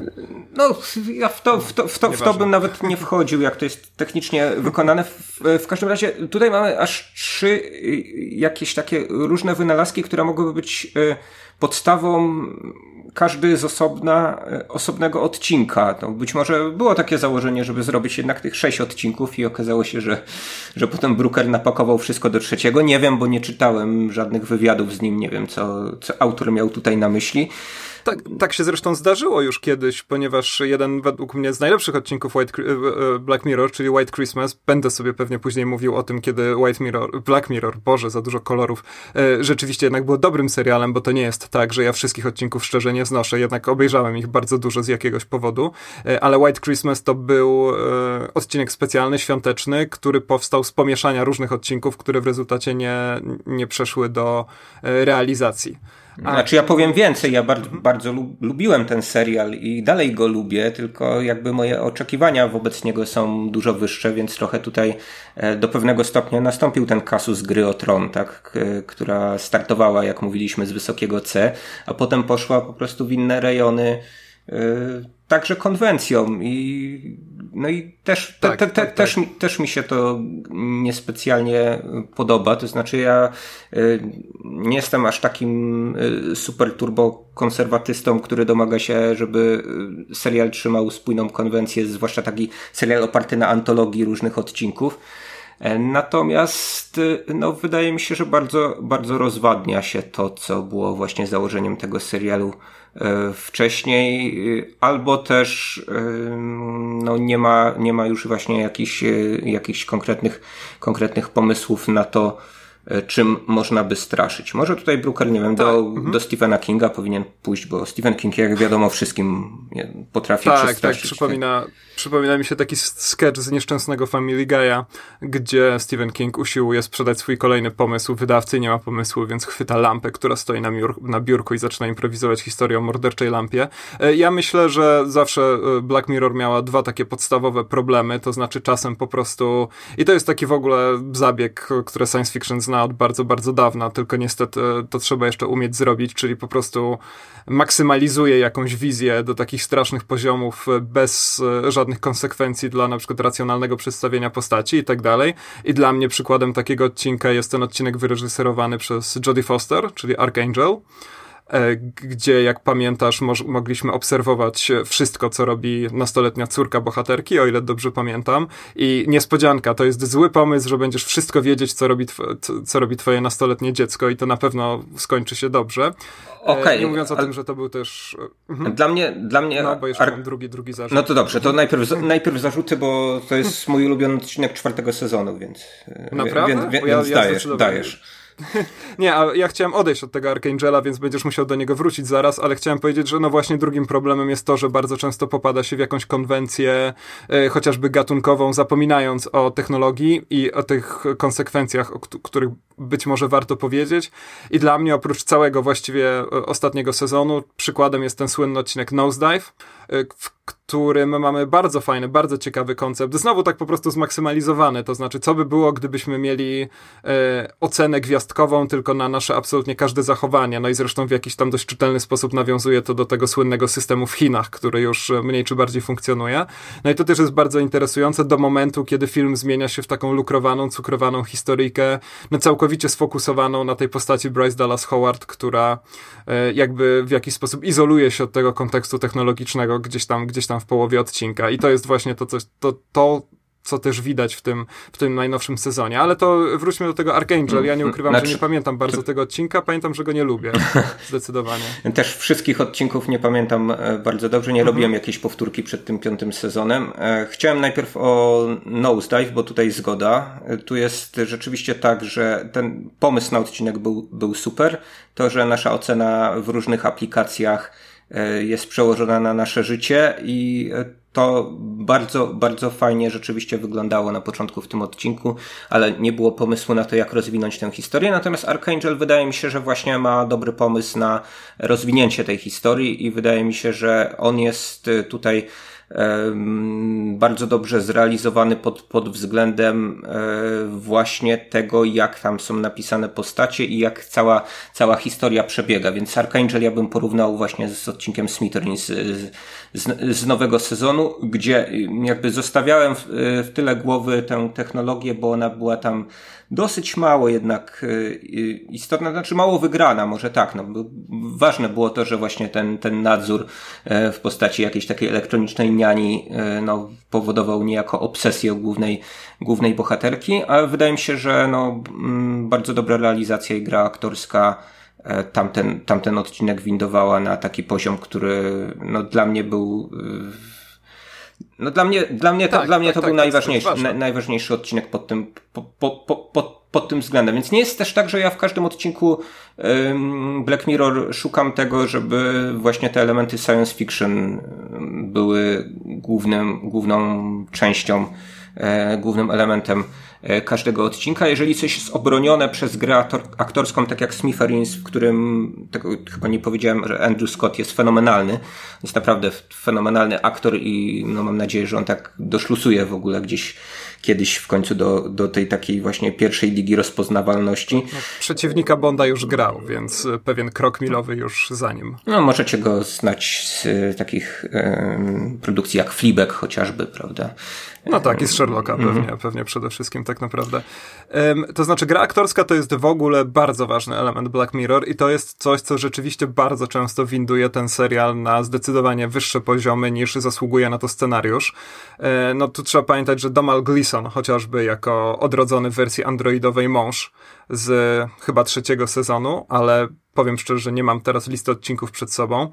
E, w każdym razie to ten słynny odcinek, jeden chyba z najważniejszych i najszerzej obawianych odcinków Black Mirror, e, w którym bohaterka, też zresztą chyba Hayley Atwell ją gra, nie pamiętam w tym momencie. W każdym razie e, bohaterka decyduje się na to, żeby powoli rekonstruować swojego zmarłego męża na, na, na podstawie informacji z social media, co też jest e, taką kwestią no, niezwykle, niezwykle aktualną, ponieważ rzeczywiście startupy, które robią coś takiego już w momencie, kiedy ten odcinek powstał, rzeczywiście istniały. Oczywiście nie na tym poziomie, ale była próba stworzenia takiego e, wirtualnego chatbota, który opierałby się na wszystkich wiadomościach, które w internecie internecie zostawił zmarły, no to to jest odcinek, który właśnie Domal Gleeson gdzieś tam wyciąga na jakieś takie nadzwyczajne poziomy.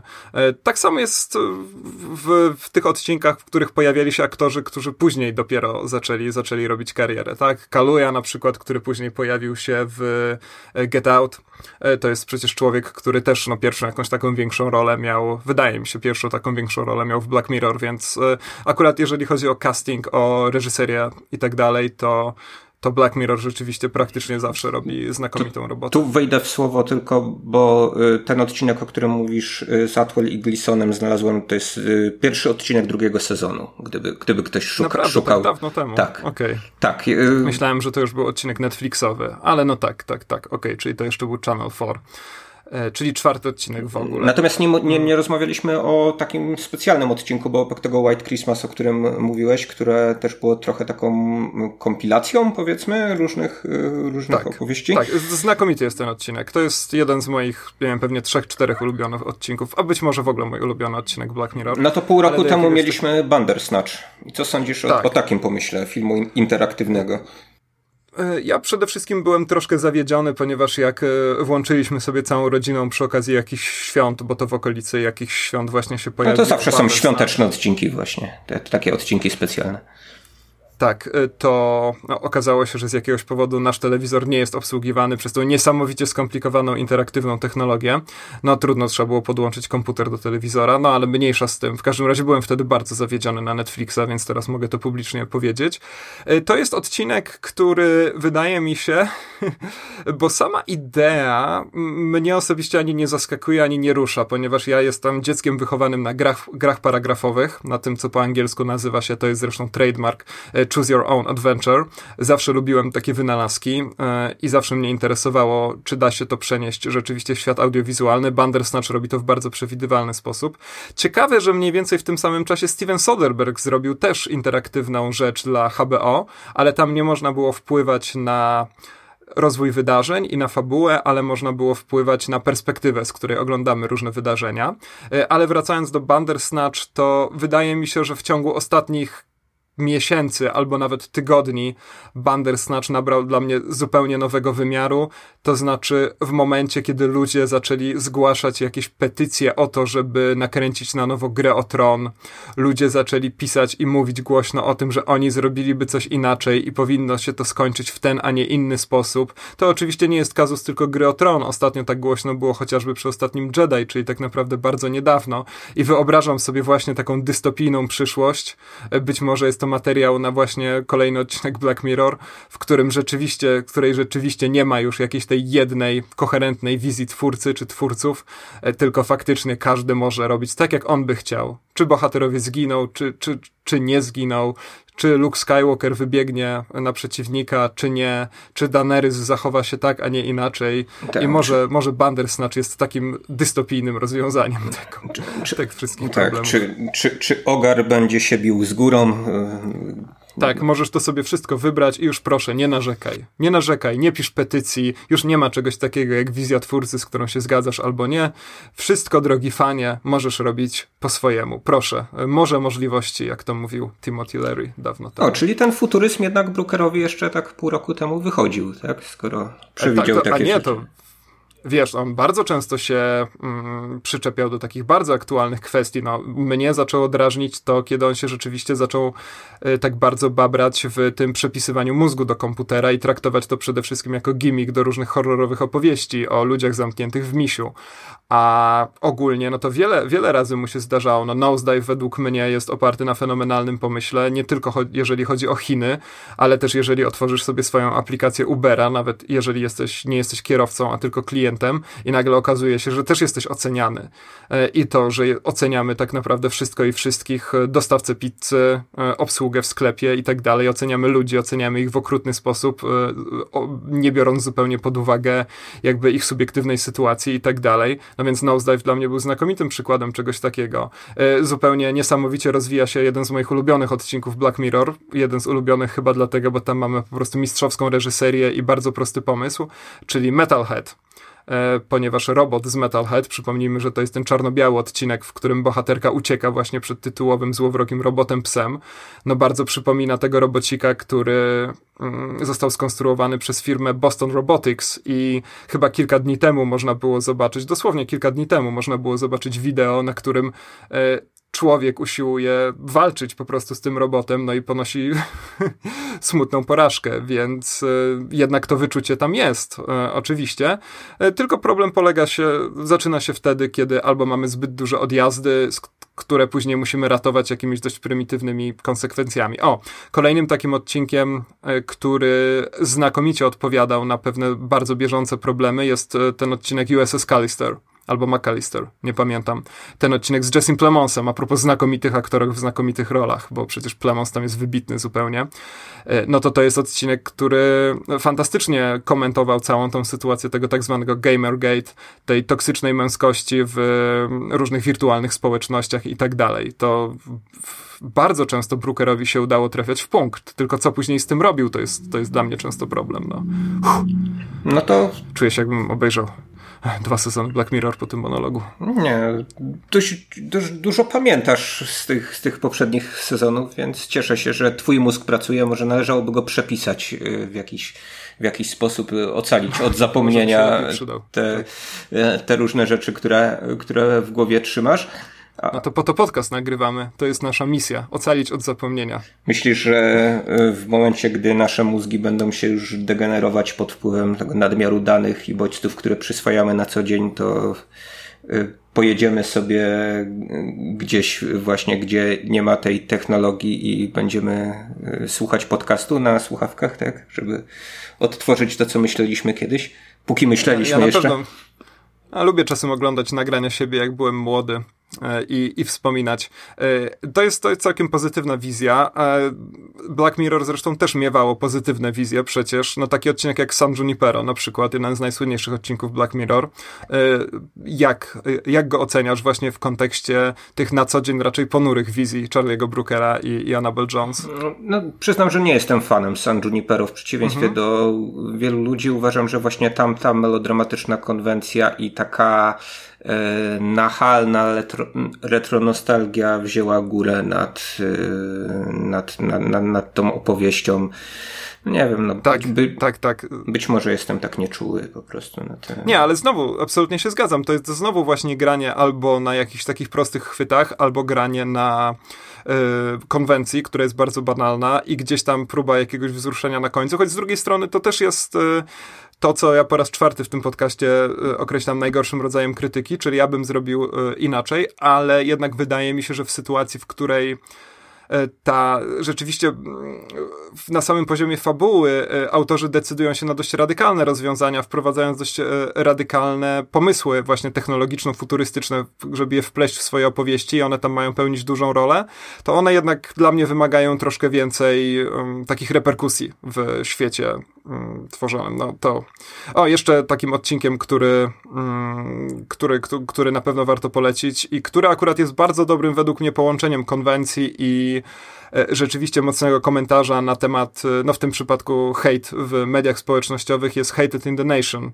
czyli odcinek o tych pszczołach demonicznych i takiej krucjacie na Twitterze czy gdzieś tam, gdzie rzeczywiście wskazuje się, kto powinien być, o ile dobrze pamiętam, kolejną ofiarą tych pszczół. I to jest właśnie taki film policyjny, E, z detektywami, policjantami, to wszystko tam jest na miejscu, a jednocześnie rzeczywiście idealnie pokazuje to, co by się stało, gdyby ten internetowy hejt poszedł dosłownie pół kroku naprzód, bo, bo niewiele trzeba i to, mm, i to mi się rzeczywiście, rzeczywiście podoba. No bo takie odcinki jak na przykład ten odcinek chyba jeszcze pierwszego sezonu, ale mogę się mylić z Misiem, który mm, wygrywa wybory, no to w kontekście tego, że faktycznie postać z kreskówki wygrała wybory niewiele później e, i mówię tu o Donaldzie Trumpie, Mm, żeby nie było wątpliwości, drogi, drogi Boże, który na pewno nasłuchuje, e, to, no to oczywiście to. To, to, bu, to był chyba od, odcinek Waldo Moment, tak mi się wydaje. To Waldo, tak się nazywa? To na pewno Waldo ta, jest. To, to drugi sezon w takim razie. Drugi już. E, to jak wywołałeś e,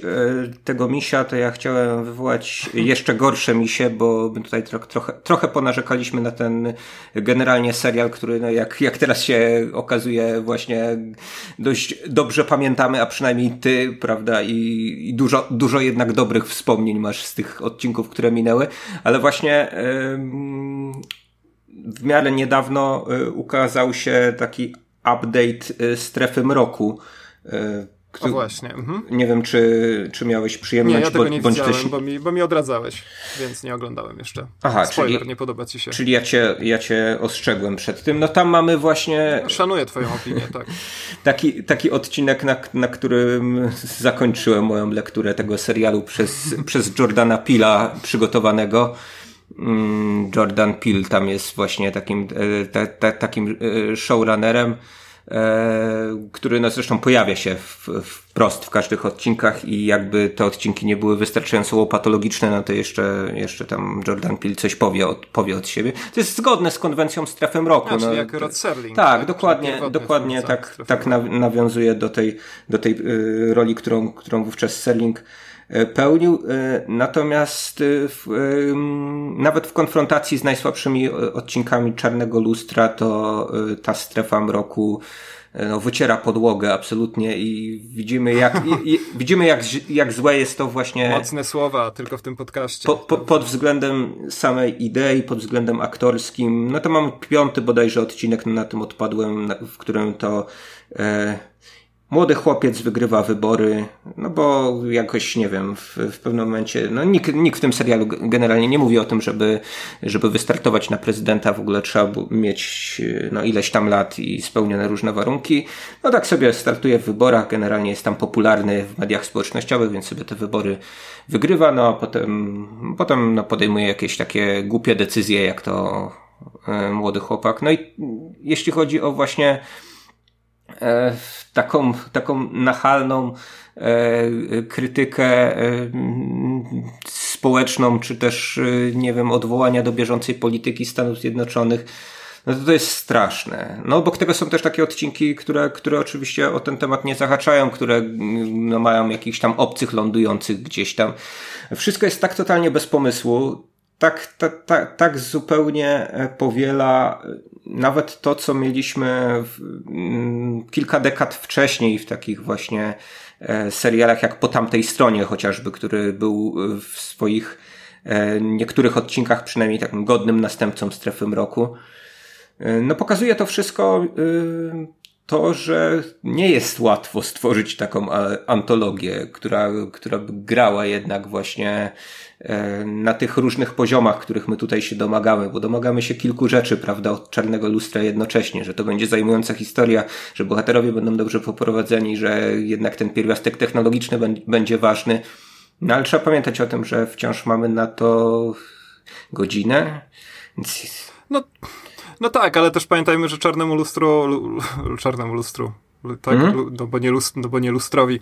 E, często jednak się to, znaczy nie często, ale wystarczająco, wystarczająco często się to udawało, żebyśmy stwierdzili, że Jasne. faktycznie można, mo, można to Jasne, zrobić. Tak... Ja też, wiesz, ja nie mam wymogu, ja, ja na przykład jakby dla mnie pomysł, na którym zasadza się mm, mm, czarne lustro, y, czyli coś tam, coś tam o złu tej technologii, która, która nas otacza i która nadejdzie, no to ja nie mam takiego wymagania, żeby to wszystko było o tym w bezpośredni sposób, ponieważ jest to y, manifest tematyczny, nazwijmy to w ten sposób, na tyle szeroki, że no zresztą Brooker stara się gdzieś tam e, rzeczywiście rozszerzać to coraz bardziej, e, ale, e, ale, ale mimo wszystko no bardzo często mm, oczekuję po prostu bardzo fajnie opowiedzianej historii.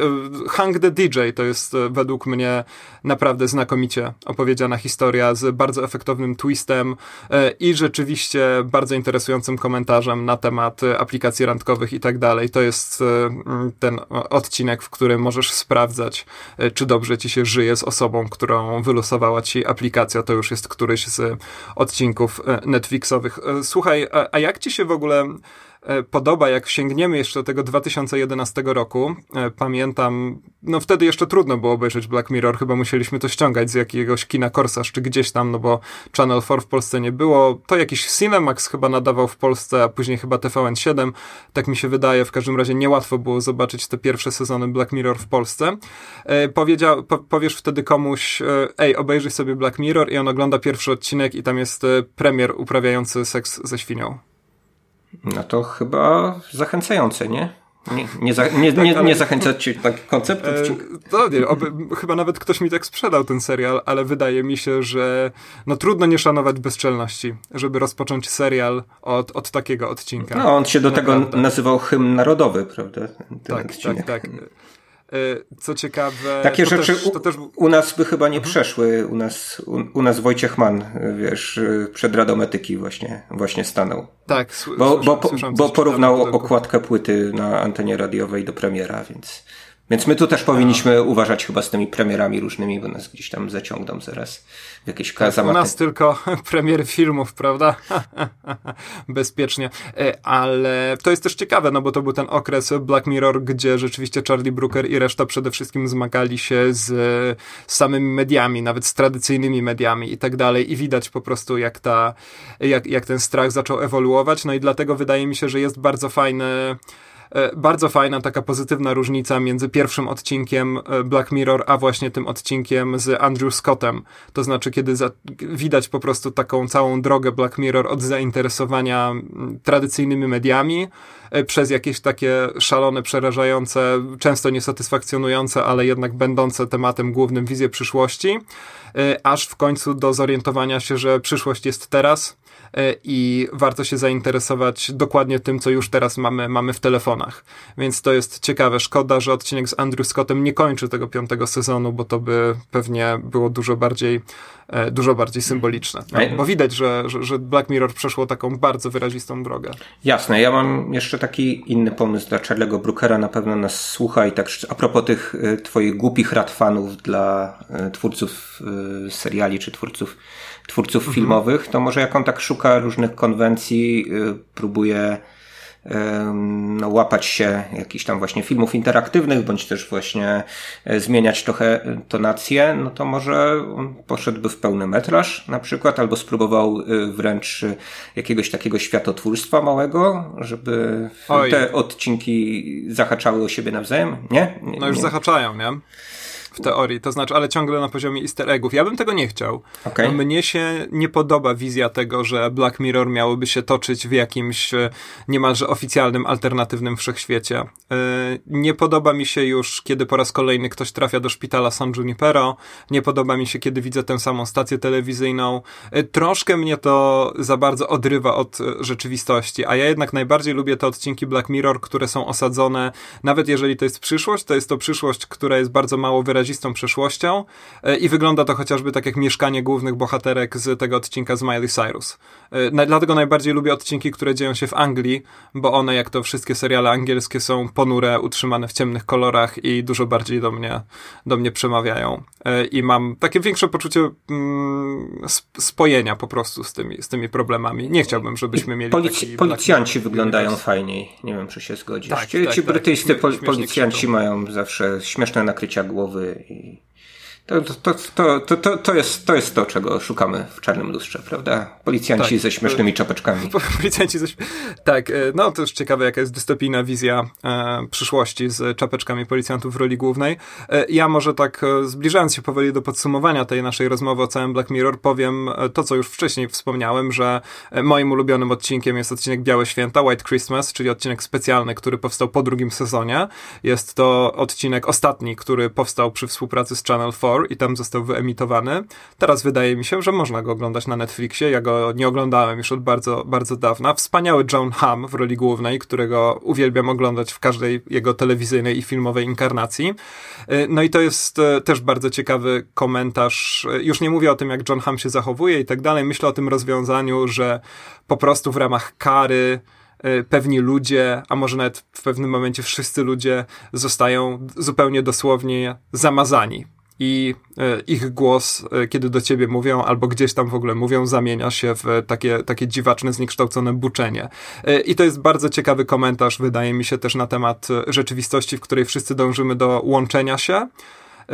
Tak, w każdym razie Facebook lubi się reklamować, wszystkie aplikacje, kolejne media społecznościowe mówią nam, że możecie się, możecie się sobą połączyć, to tutaj karą jest funkcjonowanie cały czas w tym świecie, nie przebywanie w więzieniu i tak dalej, ale właśnie funkcjonowanie w odcięciu od tego wszystkiego, na czym ten świat skupia się przede wszystkim i to, to mi się bardzo podoba. No i to jest w ogóle super odcinek. To jest chyba mój ulubiony odcinek e, Black Mirror w ogóle, jakbym miał polecać. To, to ja się nie podejmuję wyznaczenia jednego odcinka. Jest jest kilka, które oceniłem podobnie. Musiałbym zrobić jakąś taką zupełną powtórkę. Chciałem tylko na zupełnym marginesie powiedzieć, że Charlie Brooker kiedyś się wziął za taki serial mało u nas znany, który się nazywa A Touch of Clove. Nie wiem, czy słyszałeś o tym. Nie, nie to wiem, co to. Kojarzę tego poprzednie seriale, ale tego nie słyszałem. To jest taki brytyjski odpowiednik nagiej broni. I, Boże, i to jest. To brzmi, to brzmi jak najlepsza rzecz na świecie. E, to jest naprawdę bardzo, bardzo zabawne, to znaczy mm, trochę ten humor w pewnym momencie jest być może zbyt dosadny, taki, e, taki wręcz świński, o, w taką stronę to, to, to, to, zmierza, więc ta świnia chyba w pierwszym sezonie tam znikąd się nie wzięła, prawda? Tak, mhm. Takie pomysły może... Świnia znikąd się nie wzięła. Tak, świnie w kosmosie, jak to kiedyś w mapetach było. Wydaje mi się, że y, właśnie Touch of Cloth w jakiś sposób y, tutaj też, też zainfekował niektóre pomysły Black Mirror. E, no, polecam fanom nagiej broni spróbowanie, bo jest to próbka brytyjskiego absurdu, tej właśnie amerykańskiej parodii spod znaku Franka Drebina i John Hanna, e, świetny w roli głównej.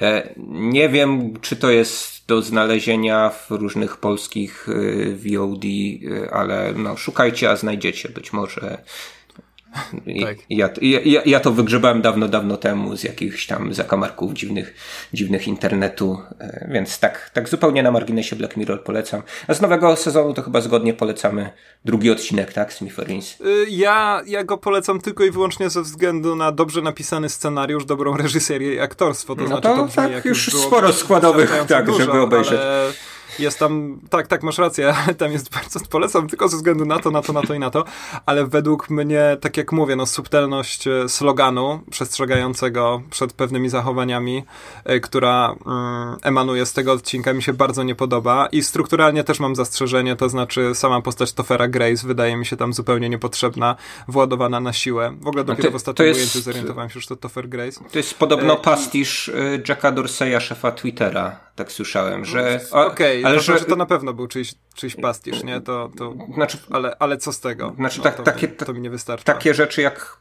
podróże w oderwaniu od technologii na 10 dni to podobno właśnie domena tego Jacka Dorseya, więc to nie jest fantazja. Zazdroszczę. Fantazja. Nie, nie, ja nie myślę o tym, mm. że mhm. ja, ja, nie twierdzę też, bo on wygląda po prostu, sprawia wrażenie postaci, która może nie z konkretnego Jacka Dorseya, ale rzeczywiście no, jest zszyty z tych różnych technologicznych CEO i jest to dość, dość męczące, ale w ogóle jego rola w tym, w tym odcinku wydaje mi się wyjątkowo nietrafiona. No i tak jak mówię, no kiedy się dowiadujemy o co chodzi, to to jest No znowu, znowu ten najgorszy argument. Ja bym chciał, żeby może faktycznie, no tam zresztą pojawiają się takie stwierdzenia o tym, że autorzy, e, twórcy mediów społecznościowych mają cele dopaminowe, ile dopaminy muszą wywołać u swoich użytkowników, żeby uzależnić ich na stałe. No i to jest fascynujące, a Jasne. No wolałbym szczerze mówiąc, żeby to była bardziej standardowa, być może pojawiająca się nawet nie w ramach Black Mirror historia o, o porwaniu, e, bo, bo na tym poziomie to się broni, tak, no to jest Jasne, świetne, no, to... Andrew Scott jest znak, znakomity, ale jako część Black Mirror to jest kolejny słaby odcinek e, Black Mirror pod tym kątem wydźwięku. Dla, tak znaczy dla mnie tu jest jeszcze ciekawe rozgrzeszenie tych mózgów z Doliny Krzemowej właśnie, bo jeżeli mamy wierzyć temu bohaterowi granemu przez Toffera Grayson czy Billy Bauer tam nazywa, to tak. właśnie no, on stworzył takiego potwora, ale wcale nie miał tego na myśli. No, to system to wchłonął i to się już tam toczy i on, i on biedny nic nie może. On może sobie podróżować na pustynię tylko i korzystać z tych petryliardów dolarów, jakie tam na koncie ma. No a tu już nie zatrzyma, nie zatrzyma tej całej technologicznej powodzi. Więc... Tak, no trudno, zostałeś sam ze swoimi pieniędzmi, człowieku. Jest no, tam, smutne to, smutne. Tam, jest tam niezwykle, niezwykle przykro. E, niech fani Nine Inch Nails napiszą nam w komentarzu, co myślą o odcinku z Miley Cyrus. E, swoją drogą, odcinek z Miley Cyrus e, powoli zaczyna nam sugerować, że powinniśmy się zabrać za jakiś artykuł albo poważne omówienie przedstawień gwiazd pop w najnowszej kinematografii, bo w ciągu... Już myślałem, że każesz mi Hannah Montanę oglądać. Nie, no to już masz za sobą, z tego co wiem, e, ale mm, w ciągu ostatnich kilku miesięcy mieliśmy Narodziny Gwiazdy, mieliśmy Vox Lux, teraz mamy znowu czołową gwiazdę pop w długiej, dużej, rozbudowanej roli. E, w przyszłym tygodniu wchodzi Rocketman, więc bardzo, bardzo mnie ciekawi właśnie jak ta muzyka popowa przedstawiana w filmach, czy doczeka się faktycznie jakiegoś ciekawego, ciekawego, ciekawego omówienia. No to jest temat dla, dla was, ludzie. Zabierzcie się za to, zróbcie to, bo ja bym chciał coś takiego przeczytać albo posłuchać o tym po prostu. Napiszcie za mnie, żebym nie musiał Hany Montany oglądać. Tak, no zróbcie, zróbcie to dla Michała. Yy, dobra, to, to, to kończymy Black Mirror, chyba że chciałbyś yy, jeszcze podzielić się jakimś takim elementem technologicznym, który ciebie przeraża, ale który nie miał jeszcze przełożenia na scenariusz Czarnego Brookera. Hmm. Tyle rzeczy mnie przeraża, chociażby te, lamp, no, jest... te lampy przez ciebie wywołane, to jest takie przerażające w życiu codziennym, że nie wiem, no ja, ja, ja mógłbym tutaj, wiesz, godzinami, nie, o tych wszystkich przerażających rze rzeczach mógłbyś, z, mógłbyś, mógłbyś, z, z otoczenia.